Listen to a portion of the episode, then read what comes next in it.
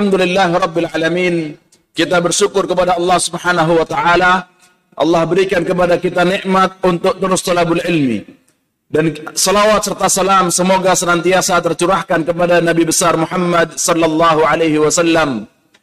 Semoga kita senantiasa termasuk dari umatnya dan kita termasuk di antara orang-orang yang masuk surga dan mendapatkan Rasulullah sallallahu alaihi wasallam. Disebutkan ketika Nabi sallallahu alaihi wasallam ingin memberikan air dari telaga beliau sallallahu alaihi wasallam, ada orang-orang yang dia tidak bisa meminum dari haud Nabi Shallallahu Alaihi Wasallam. Ketika Nabi berkata, Ya Allah, mereka umatku, kenapa mereka tidak mendapatkan air? Kata Allah Subhanahu Wa Taala, Innaka la tadri ma ba'dak. Karena engkau tidak tahu apa yang mereka perbuat, perbarui di agama ini setelah meninggalmu wahai Nabi Muhammad Sallallahu Alaihi Wasallam. Jamaah sekalian, pada kajian-kajian pada banyak acara sering disebutkan kita berselawat kepada Nabi Muhammad sallallahu alaihi wasallam yang telah membawa kita dari alam kegelapan menuju alam yang terang benderang. Betul sering dengar seperti itu jamaah? Dan betul memang dahulu manusia ini dalam keadaan jahiliyah antara Persia dengan Romawi terjadi peperangan terus-menerus yang diinginkan oleh raja-rajanya cuman perluasan daerah. Dan mereka tidak melihat bagaimana kesengsaraan rakyat. Jahiliyah. Orang-orang di Syam, mereka sampai-sampai menjual anaknya demi bayar utang ke raja-raja Romawi yang ada di Syam karena ribanya mereka nggak kuat bayar. Jahiliyah. Orang-orang Arab dahulu ribanya bukan 1, 2, 5, 10 persen. Disebutkan lebih dari 100 persen. Jahiliyah. Kata Ibunda Aisyah radhiyallahu anha, dulu di zaman jahiliyah ada empat macam pernikahan. Yang pertama nikahnya seorang laki-laki minta kepada bapaknya wanita dan dia memberikan mahar. Seperti nikahnya kalian, kata Ibunda Aisyah radhiyallahu anha. Yang kedua, nikahnya seorang wanita yang dia berada di yang dia berada di sebuah kamar pada satu malam dimasuki oleh tiga sampai sepuluh laki-laki kemudian setelah lahiran wanita ini berkata kamu adalah bapaknya milih Si wanita punya hak memilih. Kalau wanita sudah milih, laki yang sepuluh ini nggak boleh menolak. Salah satu dipilih harus terima. Maka nasabnya nanti bin fulan. Padahal di malam itu, wanita ini telah berzina dengan, atau istilah mereka dahulu, menikah dengan sepuluh lelaki pada satu malam. Jahiliyah. Ada juga pernikahan di zaman jahiliyah kata Ibunda Aisyah radhiyallahu anha pada beberapa malam, beberapa laki-laki jumlahnya puluhan, kemudian setelah lahir, anak ini diberikan kepada ahlul qafah. Ahlul qafah itu yang bisa lihat orang dari jempolnya, nasabnya dilihat dari jempol. Ya. Seperti mungkin saya pernah ceritakan, Abdullah bin Jubair bin Mut'im datang kepada Wahsy dalam keadaan seluruh tubuhnya tertutup dan berkata, wahai Wahsy, siapakah aku? Kata Wahsy, aku nggak tahu siapa kamu. Badanmu semuanya tertutup. Yang aku tahu jempol ini dulu yang gendong saya. Bisa lihat orang dari jempolnya. Ini namanya ahlul qafah. Maka di antara cara nikahnya orang Arab zaman dahulu, kemudian wanita ini memberikan anak kepada ahlul qafah kalau ahlul qafah sudah memilih satu dari puluhan laki-laki, maka laki itu harus menerima. Dinasabkan anak ini kepada orang itu. Kemudian ada juga pernikahannya orang Arab. Ketika jahiliyah itu wala muttakhidatu akhdan. Yaitu wanita-wanita yang poliandri. Kemudian kata Ibunda Aisyah radhiyallahu anha, termasuk pernikahan zaman dahulu, Tadi tiga saya sebutkan dari Bunda Aisyah, yang satu saya agak lupa, kemudian saya ingat. Satu lagi, dari Ibunda Aisyah radhiyallahu anha, jahiliyah di zaman Arab dulu laki kalau menik kalau punya istri, kemudian laki dan su, suami istri ini pingin punya anak yang ganteng, pingin punya anak yang kuat, maka ketika istri dalam keadaan suci, tidak dalam keadaan haid, baru selesai haid, wanita ini nggak disentuh sama suaminya sendiri, malah dikasihkan ke laki lain. Dicari laki yang dia mau, biar anaknya jadi seperti laki itu. Dan setelah disentuh sama laki lain, maka perempuan ini, istri ini tidak disentuh oleh suaminya sendiri. Sampai ketahuan, oh hamil. Kemudian anaknya dinasabkan kepada suaminya. Padahal hasil dari laki lain. Jahiliyah. Maka benar bahwa dengan adanya Islam, Islam ini membawa kita dari zaman yang gelap gulita kepada zaman yang terang benderang. Jamaah barakallahu fikum. Kemudian kajian kita yang kaitannya dengan fikih, salat dan juga khutbah Jumat. Kita sampai di hadis yang keberapa jemaah?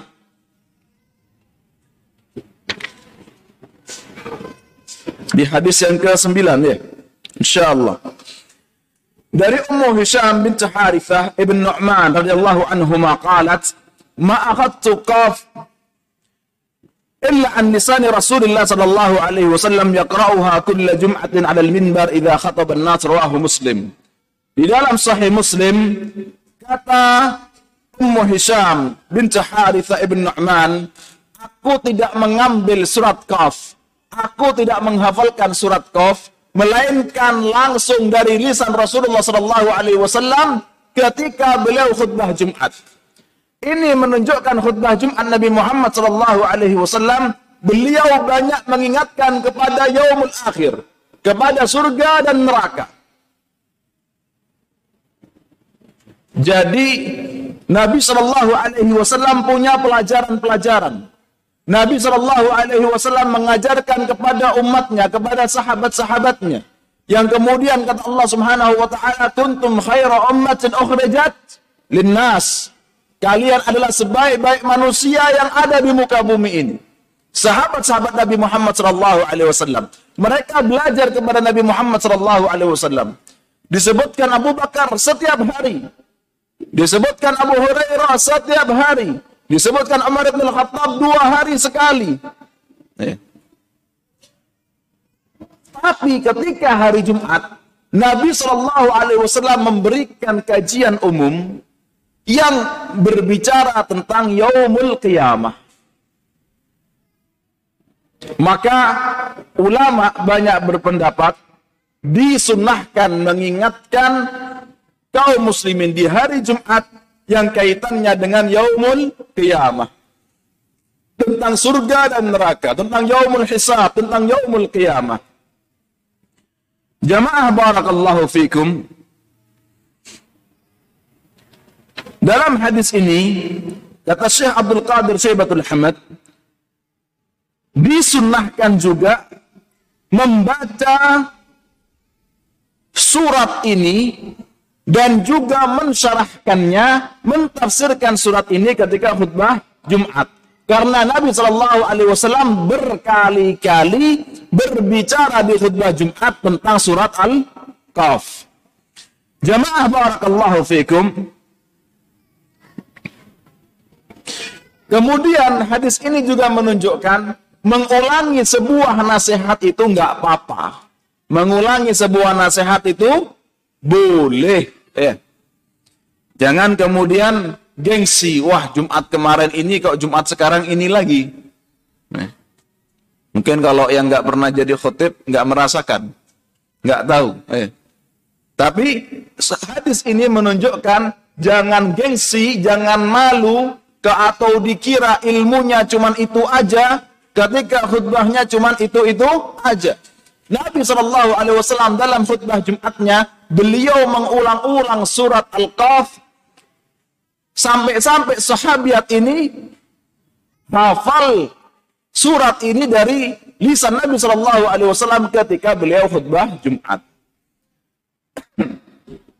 Jamaah barakallahu fikum. Kemudian hadis yang diriwayatkan oleh Ibnu Abbas, hadis yang ke-10. Kala Rasulullah sallallahu alaihi wasallam, "Man takallama yaumul jum'ati wal imamu yaktubu fahuwa kamathalil himar yahmilu asfara." والذي يقول له أنست ليست له جمعة رواه أحمد بإسناد لا بأس به وهو يفسر حديث أبي هريرة رضي الله عنه في الصحيحين مرفوعا إذا قلت لصاحبك أنست يوم الجمعة والإمام يخطب فقد لغوت Jamaah barakallahu fikum. Hadis ini berbunyi barang siapa yang berbicara di hari Jumat ketika imam sedang khutbah maka dia seperti keledai yang membawa buku-buku di atasnya. Maksudnya apa? Gak paham. Keledai bawa buku, tapi bisa baca buku. Gak bisa baca. Sama kayak orang hadir di khutbah Jumat tapi ngomong, bisa paham? Enggak paham. Kata Nabi Shallallahu Alaihi Wasallam, orang datang di khutbah Jumat tapi ngomong, datang di khutbah Jumat tapi ngomong, ini sama seperti keledai. Keledai yang membawa buku-buku. Keledai bawa buku, banyak bukunya, dibaca enggak? Orang hadir di Jumatan, mendengarkan enggak? Sama-sama enggak paham. Ya. Kemudian, Walladhi yaqulu lahu ansit laysat lahu jum'ah. Dan barang siapa yang berkata kepada orang lain, diamlah. Shh, diam. Kata Nabi Shallallahu Alaihi Wasallam, laisat lahu jum'ah. Nah, ini perlu diperhatikan. Laisat lahu jum'ah. Tidak ada Jumat baginya. Maksudnya apa? Jumatnya nggak sah. Atau nggak dapat pahala Jumat sama sekali. Atau dapat tapi nggak sempurna. Wallahu alam, khutbah Jumatnya, sholat Jumatnya tetap sah. Sebagian ulama berkata, gak dapat fadilah Jumat. Gak dapat pak pahala Jumat. Ada yang mengatakan gak dapat pahala Jumatan. Tapi tetap sah Jumatannya. Ada yang bilang tidak mendapatkan fadilah Jumatan. Ada juga yang berkata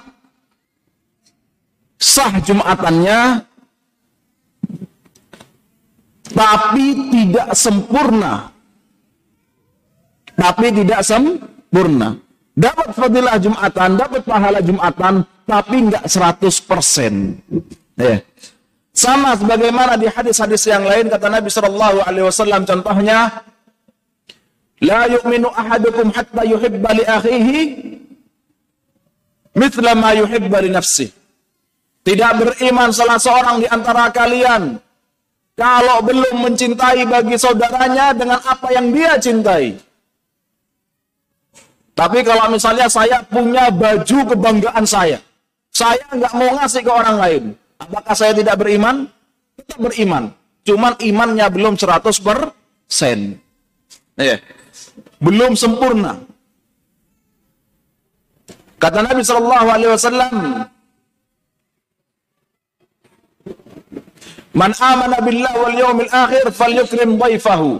Barang siapa yang beriman kepada Allah dan yaumul akhir, maka hendaklah dia untuk menghormati tamunya. Terus kalau misalnya orang pilih-pilih tamu, apakah dikatakan tidak beriman? Kalau tamunya bawa kue, dihormati.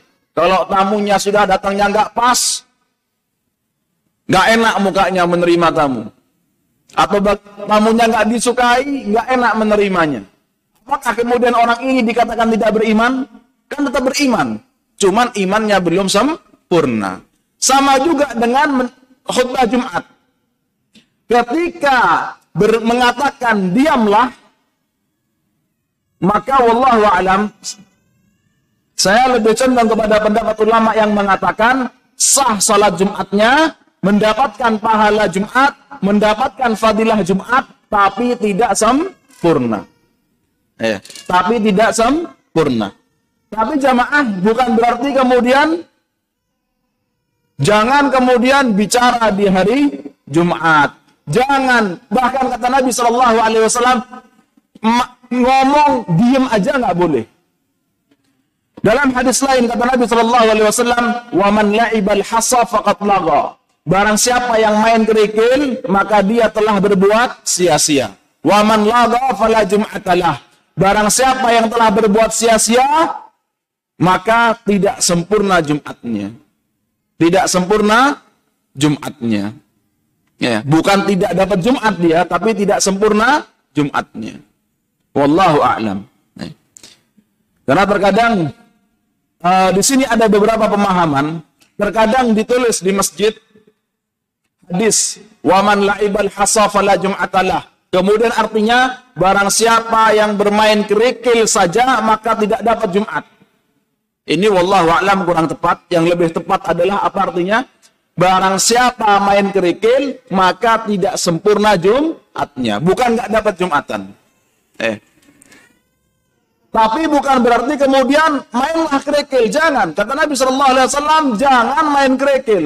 Yang main kerikil saja maka tidak sempurna Jumatannya.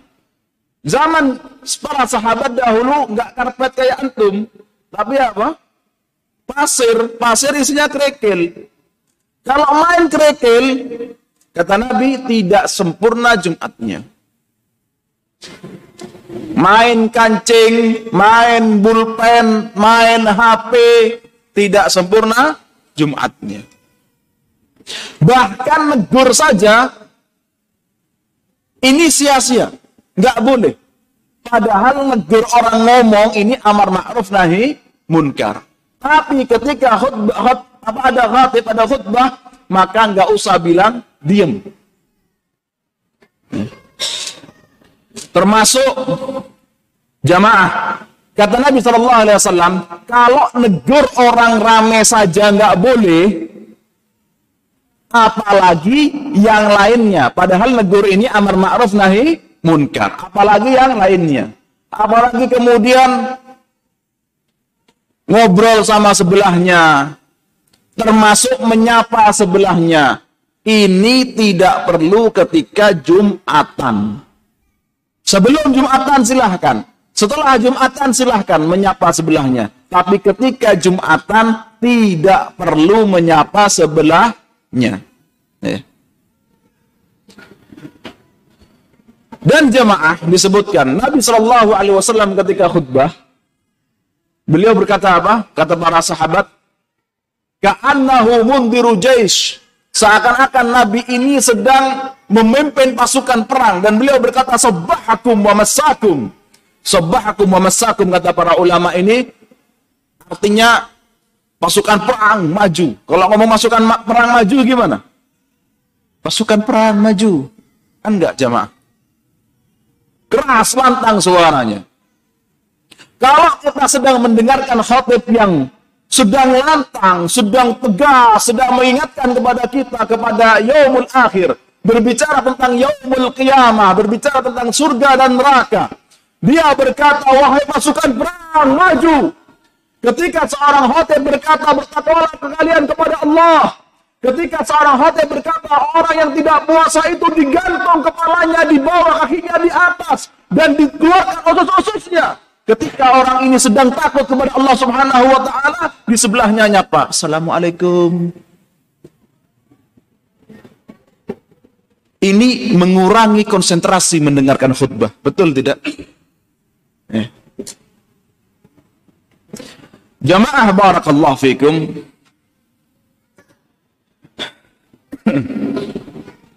Tapi kalau kita disalami, bagaimana? Wallahu alam. Tergantung pada tempatnya jemaah. Tergantung pada tempatnya. Ya. Ketika di sini misalnya banyak orang yang belum paham, kemudian menyalami ketika ada khutbah, maka wallahu a'lam ketika itu tidak menerima salam menjadi fitnah, maka boleh untuk menerima salam. Dan dalam pendapat madhab syafi'i disebutkan, fala jum'atalahu artinya adalah tidak sempurna Jumatnya. Tapi tetap sah tetap dapat pahala, tetap dapat fadilah. Cuman tidak sempurna. Eh. Wallahu a'lam bisawab. Tapi kalau memahami tidak dapat Jumatan, apalagi nggak dapat nggak sah Jumatnya, sudah diem, nggak usah apa nggak usah menerima salaman. Eh. Tapi wallahu alam yang lebih tepat dan juga dalam mazhab Syafi'i artinya apa? Tidak sempurna jumatannya. Eh.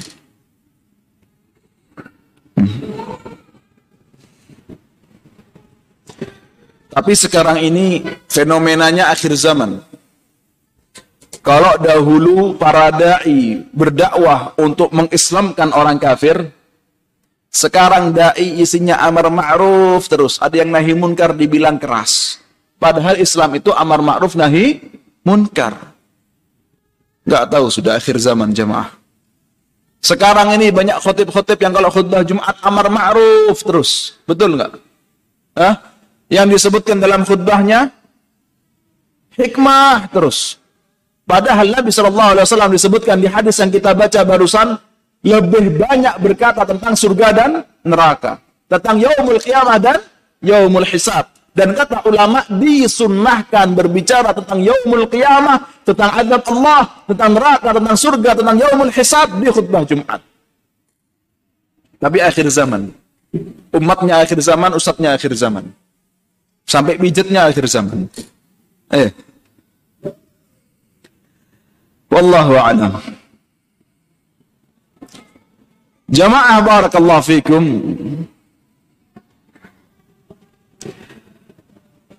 Kemudian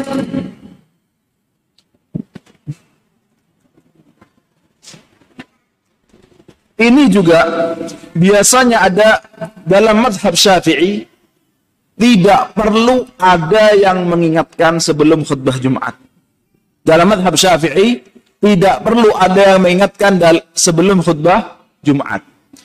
Dan bagi yang mengingatkan, saya sering dengar fakot lagod fasih. Padahal harusnya faqad lagot pakai tak. Ya. Kemudian sungguh indah uh, maaf. Bukan indah ya. Tapi kalaupun disampaikan kalau pakai bahasa Indonesia kayaknya lebih baik daripada bahasa Arab. Masih lebih mending. Kenapa? Terkadang bagi jamaah kita ini orang yang mendengarkan Bilal ketika berkata wal imamu ya wa man qala li sahibihi ansit wal imamu ya uh, wal imamu yaktub faqad lagot dibilang udah kayak kebiasaan. Tidak menjadi makna yang diresapi. Ini nggak perlu. Ya, ini nggak perlu. Tapi kalaupun ada, maksud saya kalaupun ada diadakan nggak kena ke jamaahnya. Betul nggak jamaah? Banyak yang nggak kena, nggak ngerti apa Bilal ngomong apa gitu. Padahal Bilal sedang berkata barang siapa yang berbicara di hari Jumat meskipun hanya berbicara amar ma'ruf nahi munkar, diamlah, maka dia tidak mendapati fadilah, maka dia tidak mendapati Jumat yang sempurna. Ya. Kalau dipahami kan orang diam semua. Tapi karena nggak dipahami, jadi setiap Jumatan ada orang terlambat, nyapa, ngobrol, apalagi teman lama nggak ketemu, kapan teko, ya kan? Sedang khutbah Jumat. Jamaah barakallahu fikum. Hadis ini juga menunjukkan bahwasanya Maksud di ayat ini, maksud uh, maksud di hadis ini adalah larangan berbicara ketika khutbah, bukan sebelum khutbah, bukan setelah khutbah. Hadis ini juga menunjukkan bahwa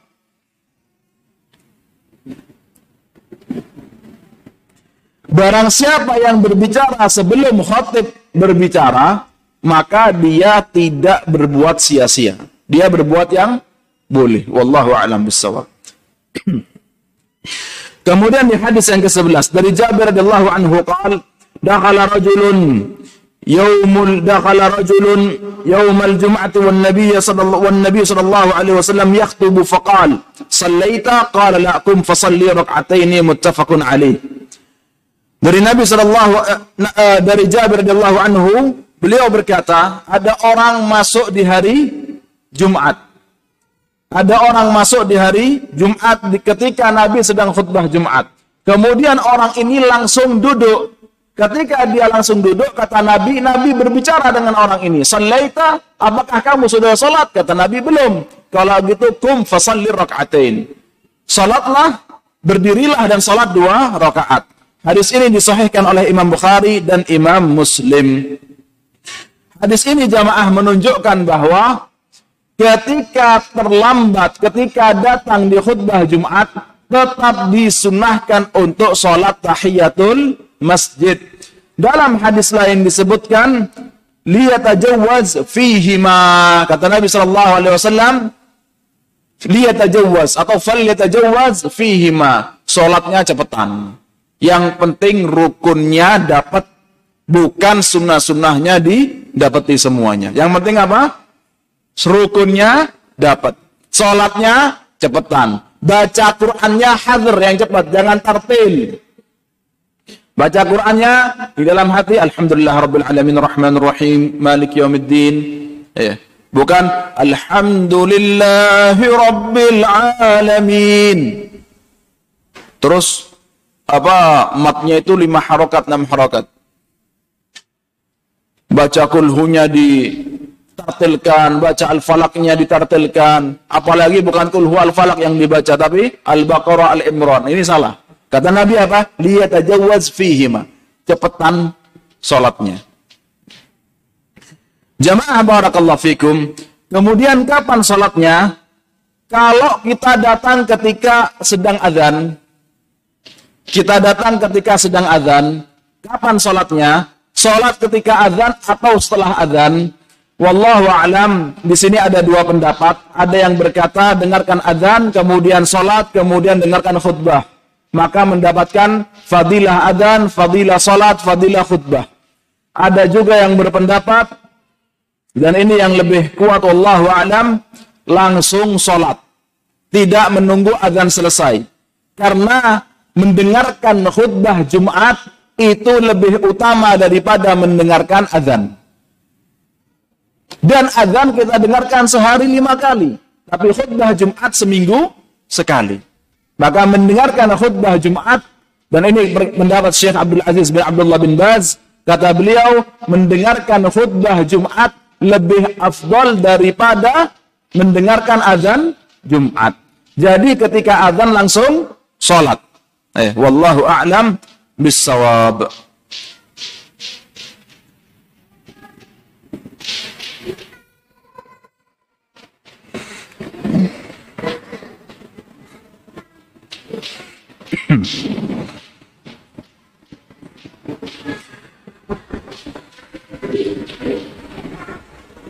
Kemudian jamaah dalam hadis ini juga disebutkan Nabi Shallallahu Alaihi Wasallam berbicara dengan orang yang hadir di khutbah Jumat. Hadis ini menyebutkan bahwa boleh khotib berbicara dengan makmum. Boleh juga makmum berbicara dengan khotib ketika dibutuhkan. Kalau nggak dibutuhkan nggak boleh. Ketika dibutuhkan boleh khotib berbicara dengan makmum. Ketika sedang khutbah ada yang rame, ada yang apa, ada mobil nggak bisa masuk, kemudian orangnya ngebel terus suaranya masuk ke dalam. Khotib berkata, tolong yang di mobil belnya untuk nggak dipencet terus misalnya, atau bagaimana tolong takmir. Itu hal yang ketika dibutuhkan hukumnya boleh. Kalau nggak dibutuhkan maka tidak boleh. Nih. Sebagaimana di hadis lain juga ketika para sah ada sahabat berkata ya Rasulullah kita kelaparan hewan-hewan kita kelaparan, kehausan. Ini sahabat ngomong ke Nabi ketika Nabi sedang khutbah Jumat. Maka hadis ini menunjukkan bahwa berbicaranya makmum kepada khotib ada, ataupun khotib kepada makmum kalau dibutuhkan maka bu, boleh. Wallahu a'lam bissawab. Dan tidak termasuk lagun, tidak termasuk lagun. Eh. Tapi kalau amar ma'ruf nahi munkar berbicara diam, kan baik ini ngomongnya. Antara makmum ini termasuk sia-sia. Perhatikan jamaah, berbicara antara makmum meskipun penting, meskipun amar ma'ruf nahi munkar termasuk sia-sia. Tapi kalau makmum kepada khotib atau khotib kepada makmum tidak termasuk sia-sia. Jamaah barakallahu fikum. Kemudian di hadis setelahnya disebutkan dari Abdullah bin Abbas radhiyallahu anhuma anna Nabi sallallahu alaihi wasallam kana yaqra'u fi salatil jum'ati surat al-jum'ati wal munafiqin.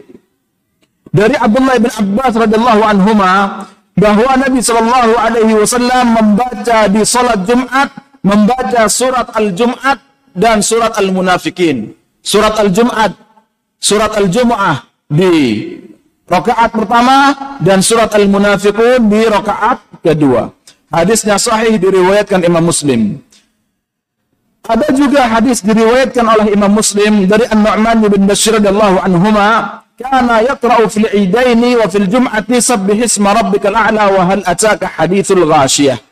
Nabi sallallahu alaihi wasallam membaca di salat Idul Adha dan Idul Fitri dan juga salat Jumat membaca apa? Rakaat pertama sabbih isma rabbikal a'la. Di hadis ini disebut apa? Surat Al-A'la atau sabbih isma rabbikal a'la? Sabbih isma rabbikal a'la. Eh. Tapi di atasnya disebutkan apa? Surat Al-Jum'ah dan surat Al-Munafikin. Jadi terkadang nama surat itu sudah ada, terkadang belum ada, diadakan nama surat itu dikasih nama oleh para sahabat. Kemudian kalau di zaman Nabi Shallallahu Alaihi Wasallam banyaknya seperti ini, membaca sabbih isma rabbikal a'la, bukan membaca surat Al-A'la. Membaca hal ataka hadithul ghashiyah. Bukan membaca surat Al-Ghashiyah. Naam jamaah. Jadi disunnahkan di dalam sholat Jumat untuk membaca surat Al-Jum'ah dan surat Al-Munafiqun. Dan ketika subuh disunnahkan membaca surat As-Sajdah dan Al-Insan. Jamaah barakallahu fikum. Surat-surat ini ketika membaca surat Al-Jum'ah dan juga surat Al-Munafiqun mengingatkan kepada nikmat-nikmat Allah Subhanahu wa taala. Dan di antara nikmat yang terbesar adalah diutusnya Nabi Muhammad sallallahu alaihi wasallam yang mengajarkan kepada kita ayat-ayat Allah Subhanahu wa taala, yang membacakan kepada kita ayat-ayat Allah Subhanahu wa taala, menjelaskan kepada kita kitabullah dan sunnah-sunnah Rasulullah Sallallahu Alaihi Wasallam. Meskipun dahulu manusia dalam keadaan jahiliyah. Inilah nikmat yang terbesar. Maka di hari Jumat faedah yang luar biasa yaitu apa? Membaca surat Al-Jum'ah dan surat Al-Munafiqun. Dan jamaah perlunya kita untuk mengkaji tafsir. Semuanya penting. Wallahu a'lam. Nah, kemudian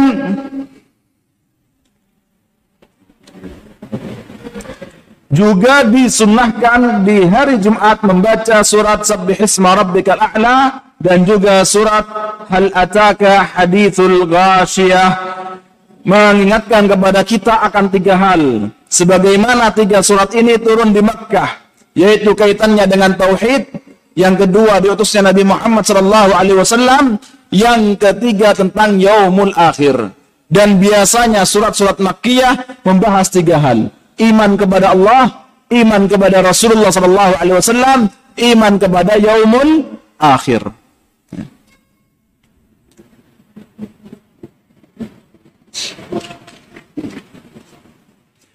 Kemudian di hadis yang ke-13 dari Zaid bin Arqam radhiyallahu anhu qala صلى النبي صلى الله عليه وسلم على العيد ثم رخص في الجمعة فقال من شاء أن يصلي فليصلي رواه الخمسة إلا الترمذي وصححه ابن خزيمة dari hadis yang diriwayatkan oleh Zaid bin Arqam radhiyallahu anhu, Nabi sallallahu alaihi wasallam ketika salat Idul Adha atau Idul Fitri, beliau memberikan rukhsah kalau Idul Adha atau Idul Fitri pas dengan hari Jumat untuk tidak salat Jumat. Kalau salat Jumat boleh, enggak salat Jumat boleh. Kata Nabi Shallallahu Alaihi Wasallam, "Man syaa an yusalli fal yusalli." Barang siapa yang mau sholat Jumat, maka silahkan sholat Jumat.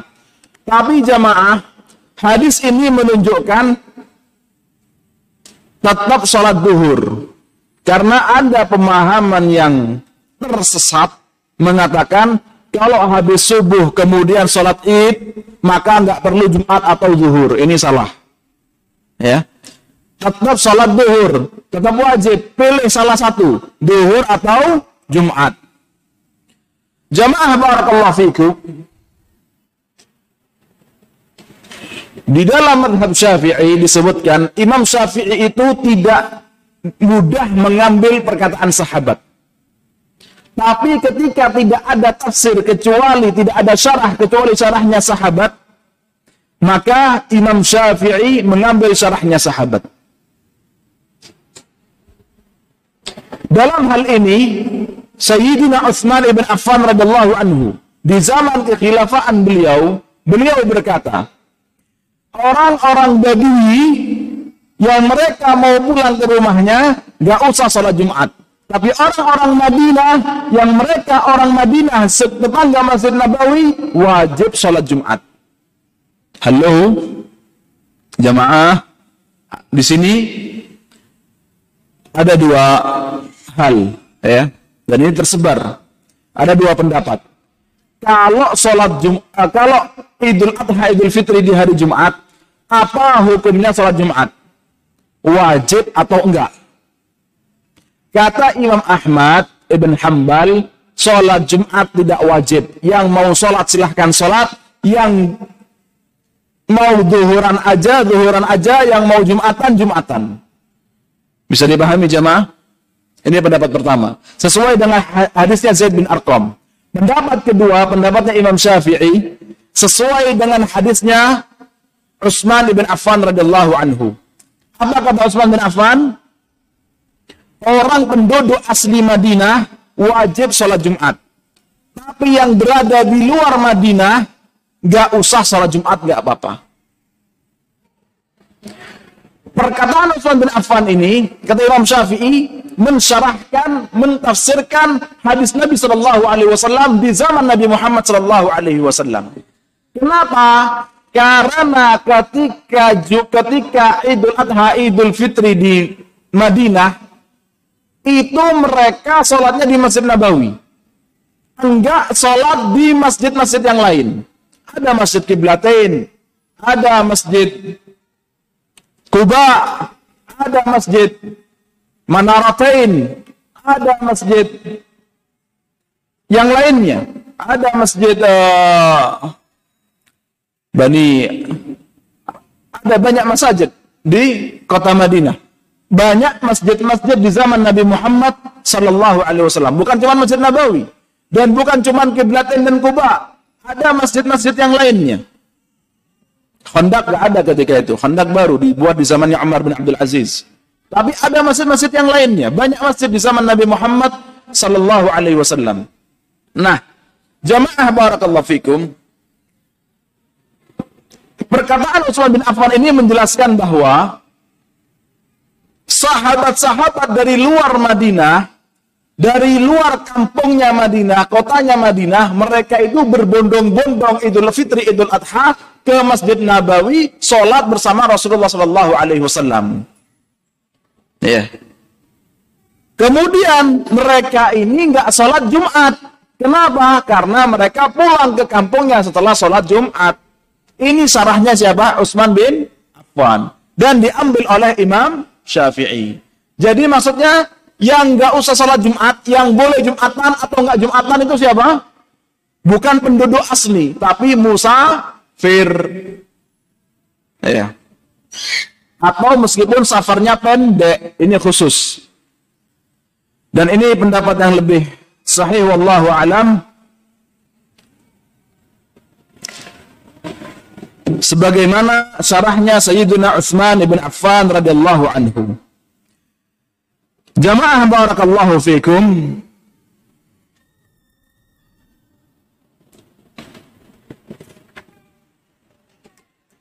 Kemudian di hadis setelahnya dari Abu Hurairah radhiyallahu anhu Nabi sallallahu alaihi wasallam bersabda, "Idza shalla ahadukumul jum'ata falyusalli ba'daha arba'an rawahu Muslim." Barang siapa yang sholat di antara kalian sudah sholat Jumat, maka sholatlah setelahnya empat rakaat. Maka sholatlah setelahnya empat rakaat. Wallahu alam. Di hadis ini disebutkan bahwa disunnahkan sholat empat rakaat setelah sholat Jumat. Yang lebih tepat wallahu alam di rumah ataupun di masjid. Minim jadi salat sun, ada salat sunnah ba'dal Jumat.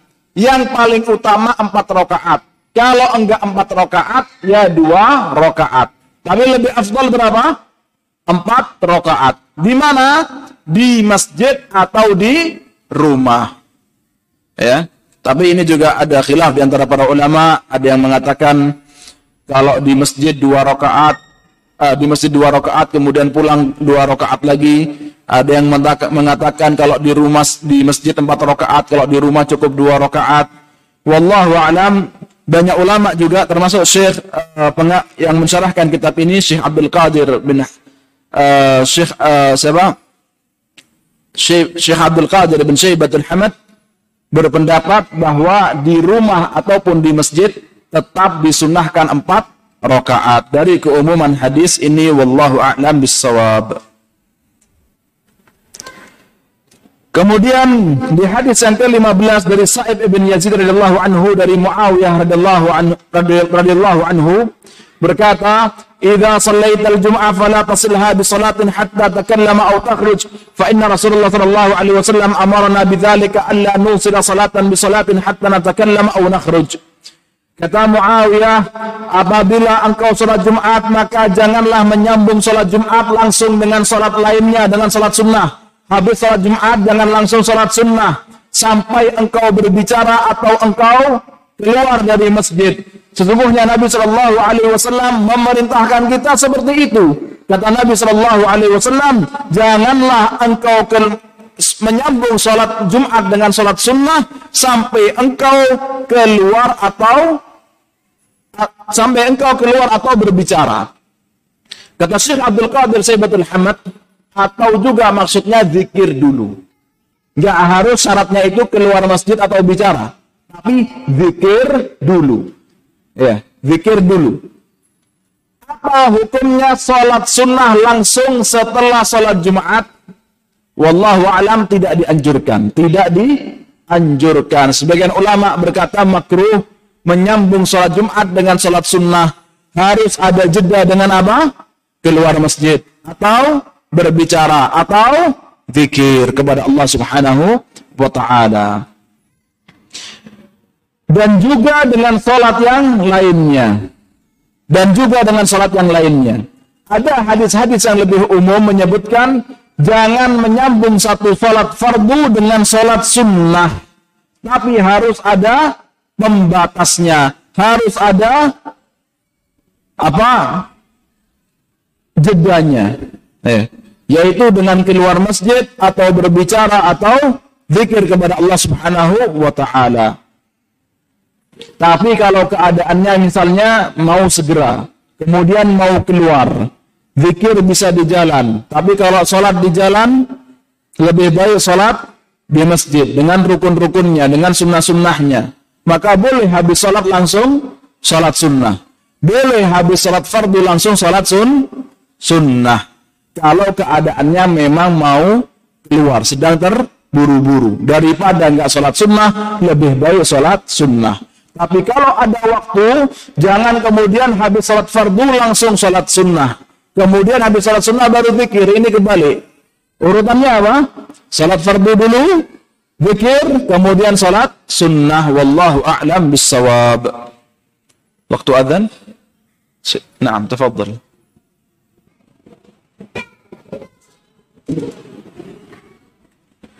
Naam jemaah barakallahu fikum. Kemudian kata Nabi sallallahu alaihi wasallam, Man iktasala thumma atal jum'ata fasalla ma qudira lahu thumma ansata hatta yafruga al-imam min khutbatihi thumma yusalli ma'ahu ghufira lahu ma bainahu wa bainal jum'ati al-ukhra fadlu wa fadlu thalathati ayyam rawahu Muslim.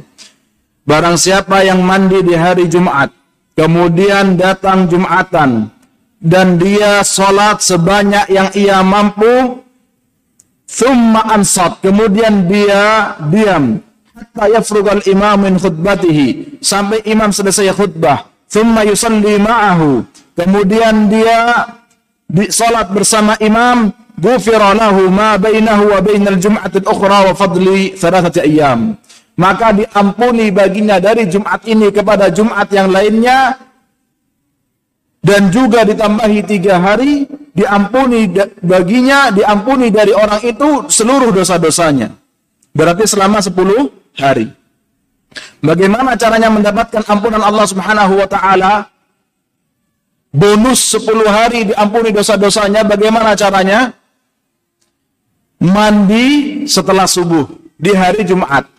Kemudian datang sebelum khutbah. Melaksanakan sholat. Ketika khutbah diam, kemudian sholat bersama imam. Kata Nabi Shallallahu Alaihi Wasallam diampuni darinya dosa-dosa selama tujuh hari tambah tiga hari, jadi sepuluh hari. Jemaah barakallahu fikum. Hadis ini menunjukkan tidak cukup wudhu. Bahkan adalah hadis menyebutkan Guslu yawmul jum'ati wajibun ala kulli muhtalimin. Mandi hari Jumat itu wajib kepada setiap orang yang ihtilam. Ya. Atau wajib kepada setiap orang yang sudah balik, sudah dewasa. Jamaah barakallahu fikum.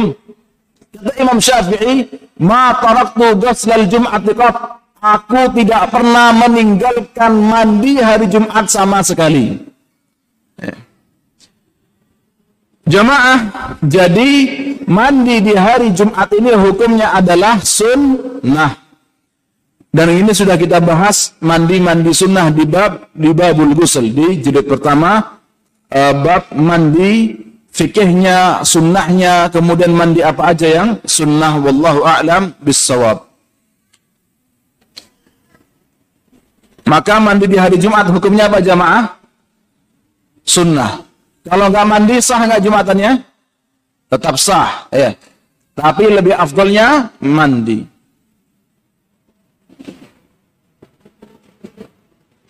Ada sebagian ulama berkata mandi di hari Jumat wajib. Tapi wallahu alam ini kurang tepat. Kecuali memang dalam keadaan ihtilam. Ya wajib. Kalau nggak wajib Gak sah sholat Jumatnya. Gimana sholat Jumat sambil junub? Jangankan Jumat, sholat sunnah gak sah. Iya kan? Nah. Kemudian di hadis yang ke-17 juga dari Abu Hurairah radhiyallahu anhu Rasulullah sallallahu alaihi wasallam menyebutkan tentang hari Jumat dan beliau bersabda fihi sa'atun la yuwafiquha 'abdun muslimun wa huwa qa'imun yusalli yas'alullah azza wa jalla syai'an illa a'tahu iyyah Kata Nabi Shallallahu Alaihi Wasallam di hari Jumat itu ada waktu yang kalau hamba Allah mengadahkan permohonannya kepada Allah Subhanahu Wa Taala maka pasti akan Allah ijabahi doanya. Wa biyadihi. Nabi Shallallahu Alaihi Wasallam memberikan isyarat dengan tangannya itu hanya waktu yang sepele, waktu yang sedikit, waktu yang sebentar. Hadis yang diriwayatkan oleh Imam Bukhari dan Imam Muslim. Kemudian kapankah waktu itu? Kata Imam Ibnu Hajar Al-Asqalani di dalam syarhu syarhu uh, Al-Bukhari ada 40 pendapat ulama kapan waktunya. Ada 40 jamaah, bukan 1, 2, 3, 4, 5. Tapi ada 40 pendapat. Cuman ada dua hadis disebutkan dalam Bulughul Maram oleh Syekhul Islam Ibnu Hajar Al-Asqalani. Yang pertama hadis yang diriwayatkan oleh Abi Burdah dari ayahnya. Aku mendengar Nabi Shallallahu Alaihi Wasallam bersabda, waktu yang ijabah itu ma baina an yajlisan imam ila an taqdi ila an tufda as-salah. Dari imam duduk sampai dilaksanakannya salat. Jadi kapan waktu doa yang paling istijabah di hari Jumat? Ketika imam ketika khotib sedang duduk. Dan ketika doa Jumat. Ya. Karena kata Nabi Shallallahu Alaihi Wasallam kapan? Antara antara khotib sedang duduk sampai sholat. Kapan? Kapan itu? Dua hal. Kapan itu? Ketika khotib sedang duduk dan juga ketika khotib sedang doa di khutbah kedua. Dan ini pendapat yang dikuatkan oleh Al-Imam An-Nawawi rahimahullahu taala. Kemudian di hadis yang kedua dari Abdullah bin Salam radhiyallahu anhu dari Ibnu Majah dari Jabir radhiyallahu anhu inda Abi Dawud An-Nasa'i annaha ma baina salatil asri ila ghurubis syams yaitu dari waktu salat asar sampai waktunya salat maghrib. Dan ini pendapat yang dikuatkan oleh Imam Ahmad bin Hambal. Ya.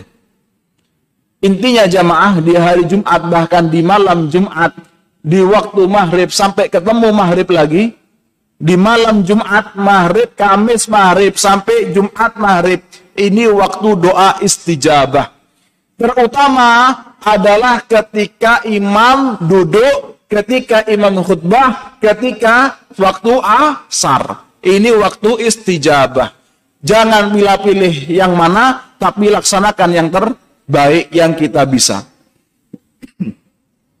kemudian jamaah Syekh Abdul Qadir Syaibatul Hamad menjelaskan tentang Abdullah bin Salam. Abdullah bin Salam ini adalah orang Yahudi. Ketika datang Nabi Shallallahu Alaihi Wasallam, Abdullah bin Salam bertanya kepada Rasulullah Shallallahu Alaihi Wasallam, Ya Rasulullah, sebutkan kepadaku tiga hal. Aku bertanya kepadamu tiga hal. Tidak ada yang bisa jawab pertanyaan ini kecuali memang Nabi utusan Allah Subhanahu Wa Taala. Begitulah dituliskan di dalam agama Yahudi. Maka kemudian Abdullah ibn Salam bertanya kepada Rasulullah Sallallahu Alaihi Wasallam,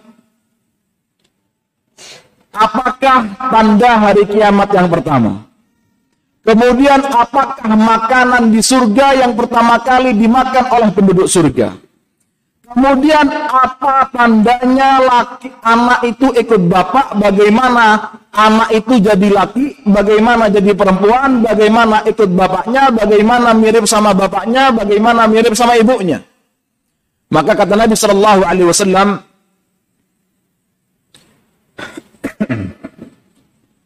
Anna awwala ta'amin ya'kuluhu ahlul jannah ziyadatu kabdi hud yang pertama kali dimakan penduduk surga itu adalah ampela atau apinya ikan paus, ikan yang besar. Kemudian wa awwalu asrafis sa'ah narun tahsun nasa minal masyriqi ilal maghrib. Tanda hari kiamat yang pertama adalah api yang mengajak manusia, membawa manusia dari timur sampai ke barat. Kemudian yang ketiga, kata Nabi Shallallahu Alaihi Wasallam, in sabaqa ma'ur rajuli ma'al mar'ah naz'al walad. Ini yang ketiga, wallahu alam. Gimana terkadang gimana untuk punya anak laki? Gimana bapak-bapak gimana? Pingin apa nih? Pingin punya anak laki mirip bapak-bapak atau pingin punya anak laki mirip ibunya atau pingin punya anak perempuan mirip bapak-bapak atau pingin punya anak perempuan mirip ibunya? Gimana jamaah? Antum mau yang mana? Tak kasih tahu caranya. Ah? Laki mirip ibunya. Wallahu a'lam. Jadi ada banyak hadis yang menyebutkan tentang hal ini. Ya. Ada banyak hadis yang menyebutkan tentang hal ini. Kita kita bahas sedikit tentang ini jamaah ya. Ada banyak hadis yang menyebutkan tentang hal ini. Sehingga kata Ibnu Hajar Al-Asqalani di dalam Fathul Bari menggabungkan antara banyak hadis-hadis yang berbicara tentang ini ada enam hal kata beliau ada enam kesimpulan dari banyaknya hadis-hadis ini. Yang pertama, apabila an yasbiqa, apabila laki-laki ini yasbik. Yasbik ini banyak yang menafsirkan mohon maaf keluar duluan. Banyak juga menafsirkan uh, lebih bergairah. Tapi yang lebih tepat artinya adalah yasbiq di sini kata Syekh Mustafa Al-Adawi saya nggak berbicara tentang ilmu kedokterannya, tentang ilmu kesehatannya, kata beliau, an yasila ar-rajul ila makanin muayyan. Kalau airnya laki-laki ini sampai ke sebuah tempat yang uh, ditentukan, tempat yang yang, yang ma'ruf dalam ilmu uh, kedokteran itu. Wallahu a'lam. Jadi kata Ibnu Hajar Al-Asqalani, kalau kita menggunakan tafsirnya Syekh Mustafa Al-Adawi arti yasbiq di sini artinya apa? Air ya. Airnya sampai kepada tempatnya dulu. Kan air laki atau air perempuan dulu yang nyampe. Kalau air laki dulu yang nyampe dan airnya lebih banyak, maka anaknya akan menjadi laki dan mirip sama bapaknya. Kalau air laki yang nyampe duluan dan airnya lebih banyak, maka akan jadi anak laki dan mirip bapaknya. Kebalikannya, kalau airnya perempuan yang nyampe duluan, kemudian airnya lebih banyak, maka anaknya jadinya perempuan dan mirip ibunya. Kemudian kata Ibnu Hajar Al-Asqalani, yang ketiga, kalau airnya laki-laki yang lebih dahulu tapi airnya perempuan yang lebih banyak. Maka jadinya ini anak laki tapi mirip ibunya. Jadinya anak laki tapi mirip ibunya. Berarti kalau yang keluar dulu airnya wanita, yang keluar dulu airnya wanita, tapi airnya laki yang lebih banyak. Berarti anaknya jadinya apa? perempuan mirip bapaknya. Ya. Jadi mintanya apa Pak? Anaknya laki tapi mirip ibunya. Ya. Berarti airnya airnya bapak nyampe duluan tapi sedikit. Itu jadinya laki tapi mirip ibunya. Eh. Kemudian jamaah yang kelima kata Ibnu Hajar Al Asqalani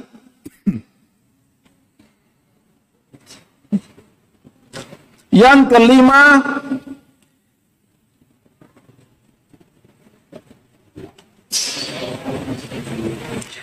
kalau anaknya wal khamis an yasbiqa ma'ur rajuli wa yastawiyan fayadhkur wa la yahtassu bi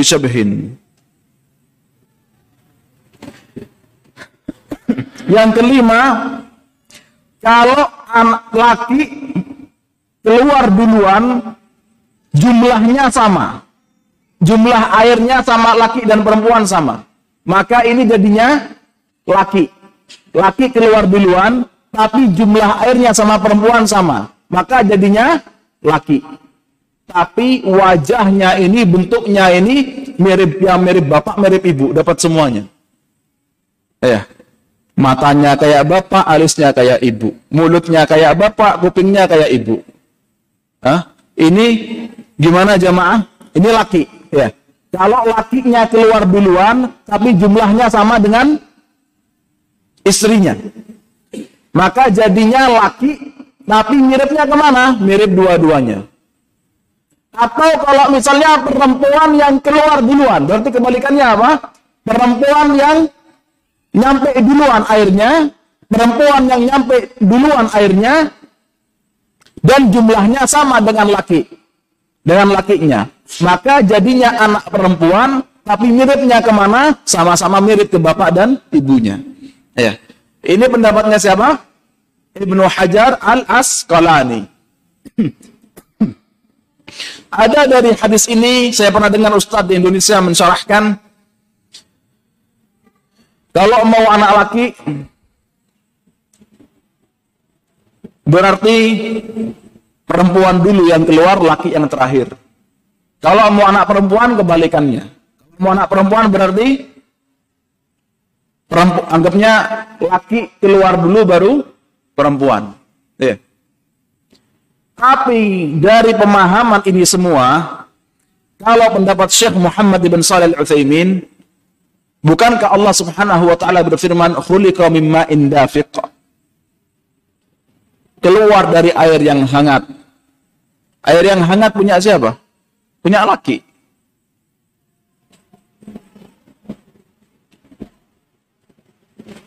Kemudian bukankah Allah Subhanahu wa taala berfirman, bahwa uh, bukan Allah Subhanahu wa taala berfirman Naam dalam surat Al-Imran, "Huwallazi yusawwirukum fil arhami kaifa yasha." Allah Subhanahu wa taala yang menciptakan kalian di dalam rahim sebagaimana yang Allah mau. Eh. Kalau Syekh Muhammad bin Shalih Al-Utsaimin mengatakan sudah yang ada di perut nggak tahu siapa nggak tahu jadinya laki, nggak tahu jadinya perempuan, nggak tahu bagaimana caranya biar mirip ke bapaknya atau mirip ke ibunya atau biar miripnya sama ke bapak sebagian ke ibu sebagian. Kata Allah Subhanahu wa taala, "Huwallazi yusawwirukum fil arhami kaifa yasha." Allah Subhanahu wa taala yang menciptakan janin-janin ini di rahim ibu-ibunya sebagaimana yang Allah inginkan jadi laki, jadi perempuan, mirip bapaknya atau mirip ibunya, wallahu a'lam. Itu semua kehendak Allah Subhanahu wa taala.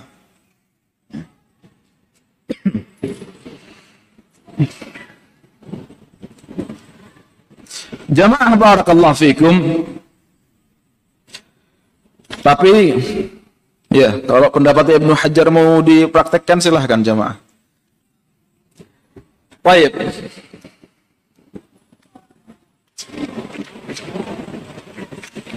Wallahu alam.